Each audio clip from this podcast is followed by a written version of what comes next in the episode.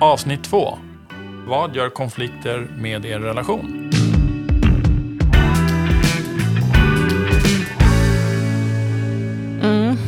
Vi pratar ju ibland och säger att vi växer mest som människa när vi är i en relation. Så... Hmm. Det är bästa platsen att växa som individ i en relation. Det ställer däremot väldigt stora krav på dig och din partner. Mm. Så det kan vara jobbigt att vara i en relation för det ställer krav på mig och min partner. Att vi måste växa som människor. Och så dessutom kommer det konflikter.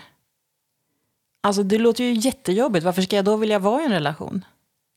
Det är det bästa sättet för dig att få kvalitet i livet och som person. Och att växa som människa. Och att växa som människa. Okej, okay, okej. Okay. Jag antar uppgiften. Jag kliver in i en relation för att växa som människa och så kommer jag möta en massa konflikter. Men då måste jag ju lämna min komfortzon. Ja, ibland medvetet, om du är modig. Och ibland så släpas du ut av din partner.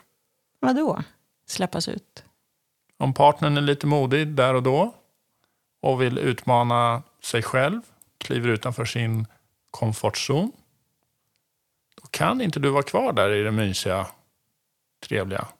Jaha, så jag påverkas ändå, fast det är min partner som väljer att liksom ta det här steget och Jajamän. utvecklas? Du är chanslös. All right, så man får liksom en effekt av att vara i en relation så får jag hänga med på någon annans utvecklingsresa. Man växeldrar, man hjälper varandra att växa. Mm. Så jag får både vara i komfortzonen en stund, men jag kommer också vara i den här utvecklings och tillväxtzonen. Ja, och där hamnar du genom att ni har konflikter. Mm. Där lyfts det fram tillväxtmöjligheter. Så när man känner det där skavet, liksom, att någonting inte är riktigt bra. Och om jag då är modig och vågar kliva in i det där skavet, då kan det hända saker, att jag lär mig någonting och att jag eh, växer, men även att du måste växa. Du kan inte gömma dig, men du kan börja med att gömma dig. Men då kommer det bli större problem senare.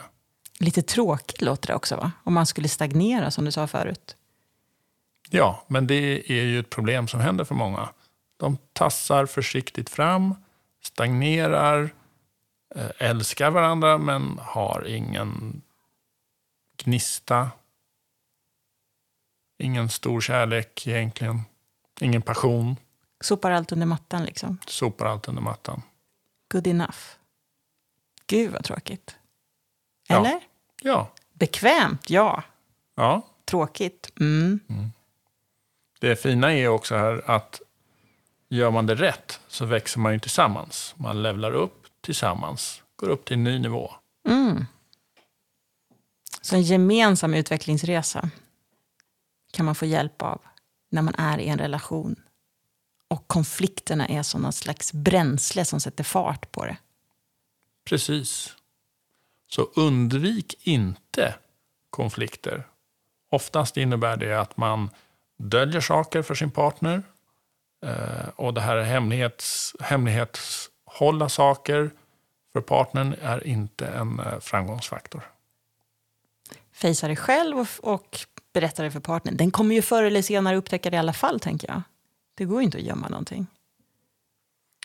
Ja, det beror på hur länge man vill uh, leva i förnekelse. Men säger inte David Schnart, som vi också kommer att prata om en hel del i flera säsonger, att marriage is the people growing machine? Det är ett av hans motton, absolut. Och man kan då argumentera att eh, ja, men vi kan använda oss av en del av hans verktyg att eh, bli bättre när vi är singel till exempel. Ja, men här kan vi lära oss massa från honom. Så när jag kommer in i den här nya relationen så kommer jag vara jätteväl förberedd. Ha, han säger ju också ett annat väldigt bra citat. Nothing prepares you for marriage but marriage. Precis. Så du kan förbereda dig hur mycket du vill. För när du kommer in i relationen med en motpart så åker allt ut genom fönstret. Det är ni två tillsammans som måste lösa de här problemen. Spännande. för den ena och kanske lite läskigt för den andra. Men vi vågar, eller hur? Ja, så bråka lite lagom. Vi ska hjälpa er hur ni kan göra det på ett effektivt sätt. Yes!